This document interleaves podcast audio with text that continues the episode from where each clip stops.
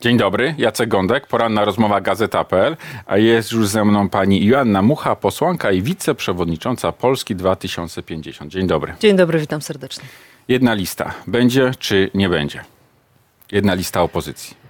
E, nieustająco będziemy powtarzali, że nasze badania w sposób jednoznaczny pokazują, że dwie listy są najlepszym rozwiązaniem dla polskiej sceny politycznej. Ale to proszę położyć na stole te wasze badania.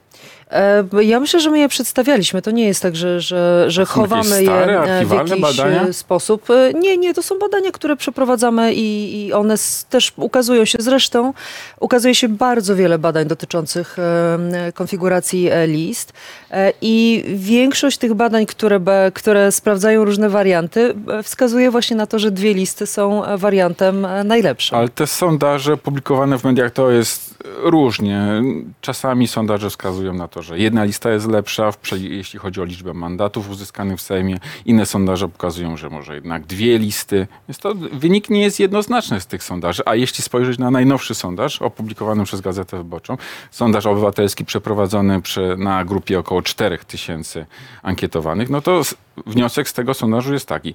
Tylko jedna lista to jest jedyne e, rozwiązanie, które pozwoli odbić władzę.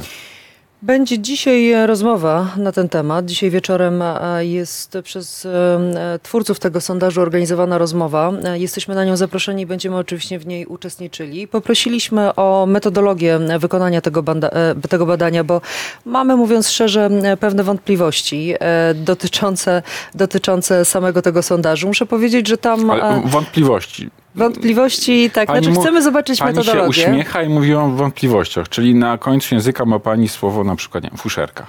E, Nie, mam wątpliwości, dlatego że niektóre z tych e, wyników e, wyglądają po prostu na logikę w sposób taki nie, nie, do, końca, nie do końca Czyli wytłumaczalny. co konkretnie? Na przykład to, że najniższy wynik Konfederacji osiągany jest przy jednej liście.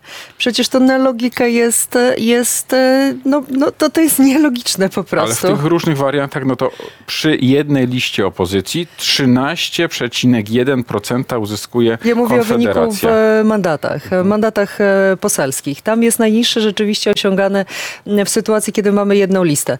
To jest, tak jak mówię, no, to jest po prostu nielogiczne, ale tam jest kilka innych jeszcze rzeczy, które, które nas 48 mocno... e, 48 mandatów. Konfederacji przy jednej Tam jest- liście opozycji, tam jest a przy sporo innych, na innych- przykład 55 Tam jest mandatów. sporo innych rzeczy, które, które zaskoczyły, mówiąc szczerze. Dlatego chcemy zobaczyć metodologię. Mamy bardzo dobrych socjologów, którzy z nami pracują, politologów, e, więc e, po prostu pochylimy się nad tym. E, I jeszcze raz e, powtórzę, mam głębokie przekonanie, że większość sondaży, które pokazywa, są pokazywane w ostatnim czasie, to są sondaże, które pokazują, że dwie listy dają najwyższe, najwyższe, naj, najwyższe zwyci- zwycięstwo opozycji, dzisiejszej Czyli opozycji. Dwie listy, y, Koalicja Obywatelska plus Lewica, to jest jedna lista, a druga lista to jest Polska Tak, 2050 dodam jeszcze jedną rzecz. E, Mnie trochę drażni, szczerze mówiąc, roz, rozmawianie o tej jednej listy, liście, bo, bo, e, bo, bo my rozmawiamy w ogóle o jakimś abstrakcyjnym Ale konstrukcie. panią może to irytować, a ja słucham na przykład Donalda Tuska, który no wręcz y, uderza pięścią po raz kolejny w stół i mówi, że będzie jedna lista i trzeba to po prostu zrobić. A jeśli ktoś tego nie zrobi i pójdzie po prostu samodzielnie, no to wtedy dostanie srogie baty, cytuję Donalda Tuska, od wyborców. No, e, nie wiem, jak mam to potraktować, czy jako taką, e, taką formę miłości ze strony Platformy Obywatelskiej dość specyficzną, czy, czy jeszcze inaczej. E, Naszym najważniejszym zadaniem jest wygranie z PiSem i nie mamy absolutnie co do tego wątpliwości. Jesteśmy przekonani o tym, że stworzenie trzeciej możliwości dla, e, dla wyborców, e, którzy e, nie chcą głosować na, na PiS, nie chcą głosować na, na, na, na Platformę, która już rządziła i potrzebują tej trzeciej możliwości, w naszym przekonaniu jest, jest czymś potrzebnym i jest czymś ważnym. I jeszcze jedna rzecz, dla, dlaczego powiedziałam, że mnie trochę drażni ta, ta, ta rozmowa o jednej liście. E, dlatego, że e, my w ogóle nie bierzemy pod uwagę to, jakie nazwiska będą na tych listach. W ogóle nie, wiem, nie, nie bierzemy uwagę, e, pod uwagę to, jaki kształt będą miały e, te listy. Ale to Donald Tusk E, znowu o tym mówił. On mówi tak przecież, że em, jestem gotów podjąć decyzję na rzecz jednej listy, choćby jutro, w ciągu godziny. Jeśli chodzi o jakieś miejsca na listach, powiedzcie, co chcecie. Co chcecie. Dostaniecie te miejsca. Hołownia chce być przede mną na liście? Proszę bardzo. W ogóle nie o to chodzi. Ale ja ja wa- Mucha chce być jedynką w Ale ja Warszawie, to- mówi super. Ale właśnie w ogóle nie o to chodzi. I my też o tym mówimy, że w ogóle nie o to chodzi.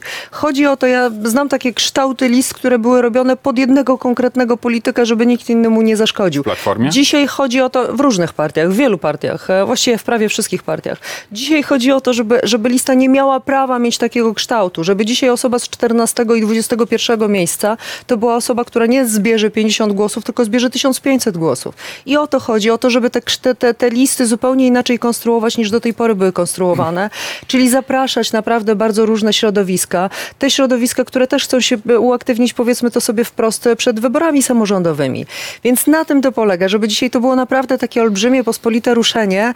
E, Natomiast to, w jakim tym kształcie pójdziemy, to spójrzcie Państwo na te wyniki. To jest czasami różnica jednego, dwóch mandatów w jedną lub w drugą stronę. To nie są... Znaczy, Czyli co, gra jest kształt niewarta list- świeczki zupełnie? Nie ma o czym Kształt rozmawiać? listy, znaczy to w jakiej konfiguracji pójdziemy, to nie jest kwestia przesądzająca o wygranej. Moim zdaniem e, dwie listy dają odrobiny prze, e, przechyłu na, na, na stronę wygranej, na, na, na stronę prawdopodobieństwa wygranej, ale nie to jest najważniejsze. A, pani poseł, no to niech pani odpowie w takim razie. Dlaczego Donald Tusk ciągle mówi o jednej liście? Co, nie zna się na polityce, nie zna się na arytmetyce? Panie redaktorze, proszę zaprosić Donalda Tuska i Ale zapytać o to. doskonale się znacie. Mm, Doskonale się znamy, ale jednak nie odważę się, żeby odpowiadać za Donalda Tuska. Proszę zapytać, Ale pani zaprosić. patrzy z z zewnątrz, no i odczytuje pani intencję. Jaka jest intencja, jakby nie patrzeć, konkurenta na opozycji? E, Ja sobie postanowiłam dawno temu, tym bardziej, że jestem byłym byłą członkinią Platformy Obywatelskiej, że nie będzie nigdy z mojej strony e, żadnego głosu e, jakiegoś nieprzyjaznego w stosunku do Platformy Obywatelskiej. A nie żałuje pani tego, że pani odeszła z Nie Platformy żałuję. Obywatelskiej? Nie, nie. W żaden sposób. W żaden sposób. Ten blok Polska 2050 plus PSL, to rzecz pewna, czy nie? E, Niezwykle prawdopodobna e, i my naprawdę dużo czasu spędzamy e, na rozmowach w tej chwili. Na rozmowach głównie o tym, co będzie naszym absolutnym priorytetem, jeśli chodzi o te pierwsze 100 dni rządzenia i tę pierwszą kadencję, bo mamy przekonanie, że, że te wybory zostaną wygrane. Nie ukrywamy tego, że są różnice między nami. Wręcz na spotkaniach różnego typu pokazujemy, że te różnice są i że to, że my jesteśmy w tej chwili w jakiejś formie e, współpracy, nie niweluje tych różnic, bo, bo mamy różne spojrzenie na kwestie, nie wiem, myślistwa, e, na kwestie e, wielkoobszarowych hodowli czy, czy, czy prowadzenia gospodarki rolnej. Więc tu różnice są, ale jest też bardzo, bardzo dużo podobieństw. Natomiast jesteśmy przekonani o tym, że my naprawdę mamy obowiązek, żeby e, PSL spod progu wyciągnąć, e, bo badania są różne. E, Badania są takie, które dają PSL-owi 7%, ale są też takie, które dają PSL-owi 2%. E, Więc jeśli takie na przykład 4,5% miałyby się zmarnować i miałyby nie, nie przejść na, na stronę opozycji, to to mogłoby zdecydować o, o przegranej całej opozycji, więc mamy ten obowiązek, żeby PSL spod progu wyciągnąć. Ale to kiepsko brzmi. PSL może po prostu zmarnować głosy. E, fakt, że nie weszłoby do Sejmu, no to mogłoby też PiSowi dać trzecią kadencję. No to jest taka Dlatego, znaczy my jesteśmy, uważamy, że nie mamy prawa jako opozycja powtórzyć wariantu z 2015 roku, w którym to, że jedna z partii znalazła się pod progiem wyborczym, dało, tak, lewica, która poszła w koalicji, e, dało PiSowi zwycięstwo. I dzisiaj każda partia, która jest po stronie demokratycznej, a jeśli chodzi o PSL, bo tu się niektórzy e, e, zastanawiają, czy, czy PSL będzie, będzie po stronie opozycji po wyborach, znaczy dzisiejszej opozycji, czy, czy pójdzie z PiSem. Chcę powiedzieć, że żadna partia i żadni politycy nie byli tak kuszeni i tak nie szukano na nich haków, jak na dzisiejszych posłów PSL-u i żaden z nich nie podjął decyzji o tym, żeby, e, żeby przejść na stronę PiSu, więc e, jestem o tym przekonana, że nie przejdzie również po, e, po wyborach. Więc żaden głos, który jest oddany na demokratę, nie może się zmarnować. To jest, to jest absolutnie podstawowa kwestia. Ale jeśli pani mówiła o takim obowiązku wobec PSL-u, który nie powinno spaść po, poniżej progu, no to może Donald Tusk też ma takie poczucie obowiązku wobec Polski 2050 i również wobec PSL-u, żebyście nie spadli wobec, poniżej tego progu. I dlatego chcę was tak tą swoją miłością przyciągnąć na jedną listę? Ja myślę, że nie ma takiego niebezpieczeństwa, żebyśmy mieli e, nie osiągnąć progu, więc e, e, z wielką sympatią poprosimy o przekierowanie takiej ewentualnej troski w inną stronę. Ale to Donald Tusk mówi o tym, że no, jeśli się nie zdecydujecie na jedną listę, no to wówczas będę musiał zaapelować do Polek i Polaków, żeby jednak ta lista jedna powstała, tylko że w sposób taki eliminacyjny, czyli najsłabsi odpowi- odpadają, a najsilniejsza lista Koalicji Obywatelskiej i w istocie jest tą jedną listą. Mm, I będzie taka grupa wyborców, e, która e, nam da bonus za to, że e, ustaliśmy e, ten rodzaj szantażu. Ale to brzmi jak groźba, szantaż, po prostu. Dlatego uważam, Partner że... na opozycji, o którym tak y, źle nie chce pani mówić, po prostu szantażuje między innymi panią. Dlatego uważam, że jest taka grupa e, wyborców, e, którzy oczekują właśnie od nas tego, żebyśmy wytrwali w naszej pozycji. Inflacja rekordowa 18,4%. Jak Polska 2050 chciałaby ją zwalczyć, gdyby pani była w rządzie, gdyby Polska 2050 tworzyła rząd? Zacznę od tego, że gdyby Polska 2050 rządziła, to takiej inflacji by nie było. E, I to musimy sobie powiedzieć jako pierwszy i absolutnie najważniejszą, naj, najważniejszą kwestię. I jak popatrzymy na rządy innych państw europejskich, to takiej inflacji nie ma, bo średnia inflacja jest 10% niższa. E, Po drugie, od roku e, PiS nam wmawia, że to jest putinflacja, że to jest inflacja, która jest e, jakby zbudowana, jej podstawy to są wysokie ceny środków energetycznych, czyli ropy, gazu i, i węgla. Natomiast dzisiaj ceny tych nośników energii są niższe niż przed wojną. Okej, ale na przykład Polska 2050 po wyborach przejmuje władzę. No i jest inflacja prawie 20%. Co robicie? Ta inflacja będzie teraz, e, wydaje mi się, spadała, bo wszyscy ekonomiści Dobrze, mówią, niech że, będzie że szczyt. 15%. Mhm. E, No to co, to, co, to, co jest e, jak gdyby do zrobienia natychmiast, to jest zaciągnięcie pieniędzy europejskich, bo tutaj mechanizmy kursowe sprawiają, że inflacja rzeczywiście trochę się obniży. To jest oczywiście kwestia zmniejszenia tych wydatków w Bizancjum stworzonego przez PiS, które to wydatki zawsze nakręcają w, w dużym stopniu no po prostu wydatki państwa, tak, czyli, e, czyli, e, e, czyli inflacja, też działają inflacjogennie, ale my też przedstawiliśmy i to jest powszechne już w tej chwili, powszechne stanowisko ze strony, ze strony ekonomistów, że NB powinien wyemitować obligacje, obligacje, które rzeczywiście miałyby szansę ściągnąć część pieniędzy z rynku. Czyli NBP na przykład oferuje 15% albo 10% oprocentowania depozytów każdemu, kto przyniesie pieniądze do NBP na przykład. I wtedy ludzie nie wydają pieniędzy w marketach, tylko trzymają pieniądze na kontach To nie są depozyty, tak? to są wtedy właśnie obligacje NBP-owskie, które rzeczywiście działają w ten sposób, że, że ściągają część e, pieniędzy e, z rynku. To jest, e, to wydaje się być bardzo skuteczny mechanizm, który tak naprawdę nie ma, nie ma skutków ubocznych, a, A przynosi bardzo dobre... 10% to jest taki Przynosi bardzo koronny sposób na to, żeby obniżyć inflację, tak? Na tę chwilę wygląda na to, że to jest naj, najlepszy mechanizm. Natomiast e, powiedzmy sobie to wprost. Inflacja jest takim procesem, który e, no, koszty wychodzenia z inflacji są bardzo wysokie i to są koszty głównie ponoszone przez e, najbiedniejszych.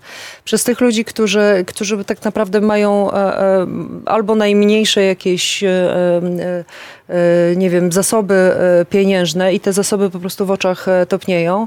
No, a z drugiej strony wydają coraz więcej e, pieniędzy na, na, na, na życie, bo mm, ten wskaźnik inflacji dla, dla takiego podstawowego koszyka jest nawet wyższy niż te 18%, a dodatkowo nie mają waloryzacji z tych, e, tych swoich świadczeń, albo mają te waloryzacje na niższym poziomie. emerytury no, tam są chyba, nie wiem, 17-18%, jeśli dobrze pamiętam, e, PiS e, przepycha. Bardzo duża część waloryzacji różnego rodzaju świadczeń jest oparta o wskaźnik inflacji, który jest zapisany w budżecie, a wskaźnik inflacji, który jest dzisiaj zapisany, to jest 9,8. E, W ubiegłym roku to było 3,3. Więc proszę porównać e, e, e, inflację, którą rzeczywiście osiągnęliśmy z tym, z tym Ale wskaźnikiem. Prawo i Sprawiedliwość pani nie odpowie. Jest trzynastka, jest czternastka dla emerytów wysokości najniższej emerytury, że emerytom naprawdę co się, co możemy, no to robimy dla emerytów. Nie trzynastka i czternastka, tylko właśnie najniższa emerytura, którą dostają, bo, bo to, jest, e, to jest ta różnica. E, Po, to po pierwsze. Po drugie, bardzo wielu osobom e, nie równoważy to, nie równoważy to inflacji. E, A poza tym, no, porozmawiajmy z ludźmi, z tymi, tymi starszymi. Oni powiedzą panu, że, e, że w ogóle nie są w stanie już dzisiaj dostać się do lekarza. Kiedyś było trudno i ciężko, ale dzisiaj nie ma, nie ma takiej możliwości. E, Że leki poszły w górę do takich kwot, które są w ogóle dla nich już nieosiągalne, a w tej chwili kupienie warzyw na, e, w sklepie osiedlowym e, jest poza ich zasięgiem. Ale skoro jest taka wielka katastrofa, to dlaczego Prawo i Sprawiedliwość cały czas jest y, liderem w sondażach? I to nawet te, to poparcie dla PiSu rośnie. Wie pan, mnie w tych sondażach martwi e, inny wskaźnik, e, który, który wydaje mi się, że powinien nam wszystkim dać e, wiele do myślenia, czyli to, że Konfederacja bardzo urosła e, w tych ostatnich e, sondażach. E, Konfederacja, czyli e, partia, która w moim przekonaniu jest e, absolutnie antyeuropejska, e, która jest e, Ale przeciwna kobietom. przy PiSie. To, e, na- jeśli pan na pozwoli, początek. dokończmy, bo to dosłownie dwa zdania, tak? E, Konfederacja e, moim zdaniem rośnie dlatego, że po stronie opozycji zamiast przedstawiania wizji państwa nakręcił się taki mechanizm populizmu e, i, i jakby e, ścigania się na te populizmy. No to w takim razie przetłumaczę to, co pani mówi, bardzo oględnie, na język bardziej taki dosadny. Po prostu Donald Tusk upasł Konfederację, tak? E, nie, wyścig na populizmy upasł e, Konfederację. Kto się ściga na I populizmy? uważam, że to jest bardzo Ale nieodpowiedzialne. kto się ściga na populizm? E, chciałabym, żeby nasza, e, nasza, pro- nasze propozycje pro, programowe. Ale kto się ściga na populizmy? Panie redaktorze, myślę, że nasi słuchacze e, potrafią sami wyciągać Ale pani wnioski, też może widzowie. te nazwiska wypowiedzieć. E, Uważam, że powinniśmy przedstawiać całościowe programy, a nie proste Ale hasła. kto się ściga na populizmy? E, Przedstawiciele różnych partii opozycyjnych. Jakich partii? Wszystkich partii opozycyjnych, które, e, które znamy. A Panie jest redaktorze, wśród tych jeszcze raz Platforma, czy nie? Jeszcze raz powiem, że Ale jest Platforma, czy nie? nie będę e, żadnego e, e, złego słowa. Uważam, że, że znaczy, bo pan mnie próbuje w tej chwili wprowadzić w taki stan krytyki innych partii Ale opozycyjnych. Polska 2050 Ja- nie ściga się na populizm, Ja tak? mówię o tym, że my powinniśmy z, z większą odpowiedzialnością podchodzić do programów wyborczych. Powinniśmy przedstawiać całe pakiety, całe systemowe rozwiązania, a nie pojedyncze hasła. To konkret, pani poseł, konkret. W takim razie, chyba, nie wiem, z rok temu nawet y, Szymon Hołownia wzywał wszystkich liderów partii opozycyjnych do wielkiej debaty programowej. No, No nie wyszło. A zaproszenie cały czas jest aktualne. Absolutnie. Ta debata się odbędzie, czy nie? Nie, no ale nie ma, nie ma, że tak powiem, zainteresowania ze strony To naszych... dlaczego taka e, bryndza programowa jest na opozycji? Ja nie wiem, a, naprawdę, e, my naprawdę apelujemy, my naprawdę zapraszamy e, ludzi z opozycji czy członków innych partii opozycyjnych do konsultowania tych programów, które, które przedstawiamy. Tych programów było już około 10 w, w różnych obszarach. Niektóre potrafią mieć tysiąc stron w tej chwili tekstu, więc to są naprawdę olbrzymie pakiety i naprawdę namawiamy naszych, naszych kolegów do tego, żeby rozmawiać o rozwiązaniach systemowych, bo z populizmem e, takim, jaki dzisiaj rządzi w Polsce, tak, populizmem e, e, w wykonaniu PiSu, nie wygra się inną formą populizmu, tylko alternatywną wizją państwa. konkret. Pani jest ekonomistką. Czy kredyt 0% na mieszkania jest populizmem, czy to jest świetny pomysł? E, To jest pomysł, który został prze, przepracowany i sprawdzony w Wielkiej Brytanii i doprowadził do tego, że e, ceny mieszkań, e, wynajmu i, i zakupu mieszkań są po prostu w niebie, czyli są nieprawdopodobnie wysokie, a wielu deweloperów mówi, że nie opłaca im się mieszkań budować, dlatego że budowanie nowych mieszkań oznaczałoby, że obniżą się stawki, a to im się po prostu nie opłaca. To jest zły pomysł. To w takim razie Donald Tusk chce doprowadzić polski rynek mieszkaniowy do katastrofy, tak? Nie, Donald Tusk na pewno nie chce doprowadzić polskiego rynku mieszkaniowego do katastrofy, ale zaproponował propozycję, która sama oddzielna i nierozważana z jakimiś innymi propozycjami em, nie przyniesie dobrych skutków. Czyli Donald Tusk doprowadzi polską, e, polskie mieszkalnictwo do katastrofy i o tym nie wie, tak? Nie, Donald Tusk przedstawia jedną z propozycji, natomiast wachlarz propozycji musi być znacznie złą, szerszy. Tak, jednym słowem, złą propozycję, tak? Nie jestem zwolenniczką tej propozycji. Uważam, że nie przyniesie dobrych skutków. To jaki pomysł na mieszkania ma Polska 2050? Pracujemy nad tym programem jeszcze. jeszcze to nie jest, ma. e, znaczy jesteśmy w, w, w, trakcie, w trakcie rozmów. Nie chcę trochę wychodzić e, przed e, szereg, bo ten program de facto jest, jest, już jest, ale jest w konsultacjach. Wybory mm, 15 października w Dzień Papieski? Tego Wie najpewniej słyszę- będzie chciało Prawo i E, Sprawiedliwość. e, Słyszę, że to jest e, taka koncepcja, która, e, która em, w, jest jakby szeroko komentowana po stronie opozycji, natomiast e, wcale nie jest, e, nie ma tak wielu zwolenników po stronie e, PiSu, więc ja nie Serio? jestem taka. Tak, e, tak słyszałam od. Ale od kogo pani to słyszała? E, Między innymi na przykład w jednym z programów publicystycznych, e, który był emitowany e, w sobotę, e, mówili o tym dziennikarze, którzy, do których mam zaufanie, jeśli chodzi o, e, o ich źródła e, i twierdzili, że jeśli chodzi e, o, o stronę pisowską, to tam nie ma wielkiego entuzjazmu dla tego pomysłu. Ale może- Ale tak czy inaczej zdecyduje prezydent. Ale to może być jednak dobra okazja, żeby stworzyć taki podział, jak na Węgrzech chociażby niedawno. Może. Że oto jest y, zdrowa tkanka narodu, tak jak na Węgrzech Orban, no i to złe lewactwo, jak cała opozycja, na przykład Platforma, Polska 2050. To jest narracja stworzona dla Prawa i Sprawiedliwości. Może to będą... Ale tych, Nowogrodzka będzie chciała ją grać. Ale tych ciekawych dat e, w okolicach października i listopada jest znacznie więcej. Więc ja myślę, że tutaj e, pan prezydent będzie miał e, szerszy wybór niż tylko 15 października. Czy religia powinna być w szkołach i być finansowana przez budżet państwa? Mamy to w naszym programie, w pierwszym programie, który wydaliśmy, czyli Państwo i Kościół na właściwych e, miejscach. Uważamy, że o tym powinna zdecydować społeczność e, rodziców i dzieci e, w każdej szkole, w każdej klasie. Powinna to być ich decyzja dotycząca tego, czy chcą mieć religię w szkole, czy chcą, żeby religia była w, gdzieś przy kościele. To, to jest e, w naszym przekonaniu decyzja społeczności po prostu lokalnych. No, A jeśli społeczność zdecyduje, że owszem, religia powinna być w szkole, to finansowana przez państwo? Tak, ale ja mam tutaj pewne oczekiwania dotyczące tego, co w jaki sposób e, państwo będzie doprowadzało do tego, żeby na religii nie było treści, które są szkodliwe dla dzieci.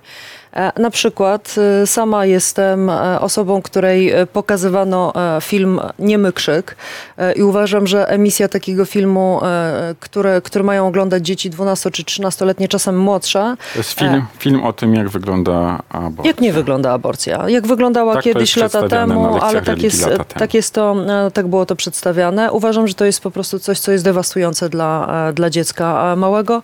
W związku z tym powinna być, powinniśmy po prostu jako państwo mieć e, większą kontrolę nad tym, żeby, żeby dzieci nie miały treści, które są dla nich szkodliwe. Inny przykład. E, Jeden z moich synów e, na religii e, prze- przekonywano go, że homoseksualizm jest chorobą, która powinna być leczona głodówkami. Uważam, że żadne dziecko w Polsce nie powinno tego typu treści na religii otrzymywać, dlatego, szkoła, dlatego że szkoła jest do tego, żeby uczyć się treści, które są sprawdzone naukowo i nie może dzieciom, znaczy no, tak traumatycznych czasami treści pokazywać, jak te, które, które po- pokazałam, dałam przykłady przed chwilą, ale też takich, które są po prostu niezgodne z wiedzą naukową. Na sam koniec, e, to krzyż powinien w takim razie zniknąć ze szkół i z urzędów e, również, czy to też powinna być decyzja społeczności? Oddała, nie, nie mamy w, w tej kwestii jednoznacznego stanowiska, e, natomiast ja bym oddała to rzeczywiście społecznościom e, wewnątrz, e, lokalnym, które, które podjęłyby tego typu decyzje. Joanna Mucha, posłanka i wiceprzewodnicząca Polski 2050. Dziękuję pani za rozmowę. Bardzo dziękuję. Państwu również dziękuję i do zobaczenia.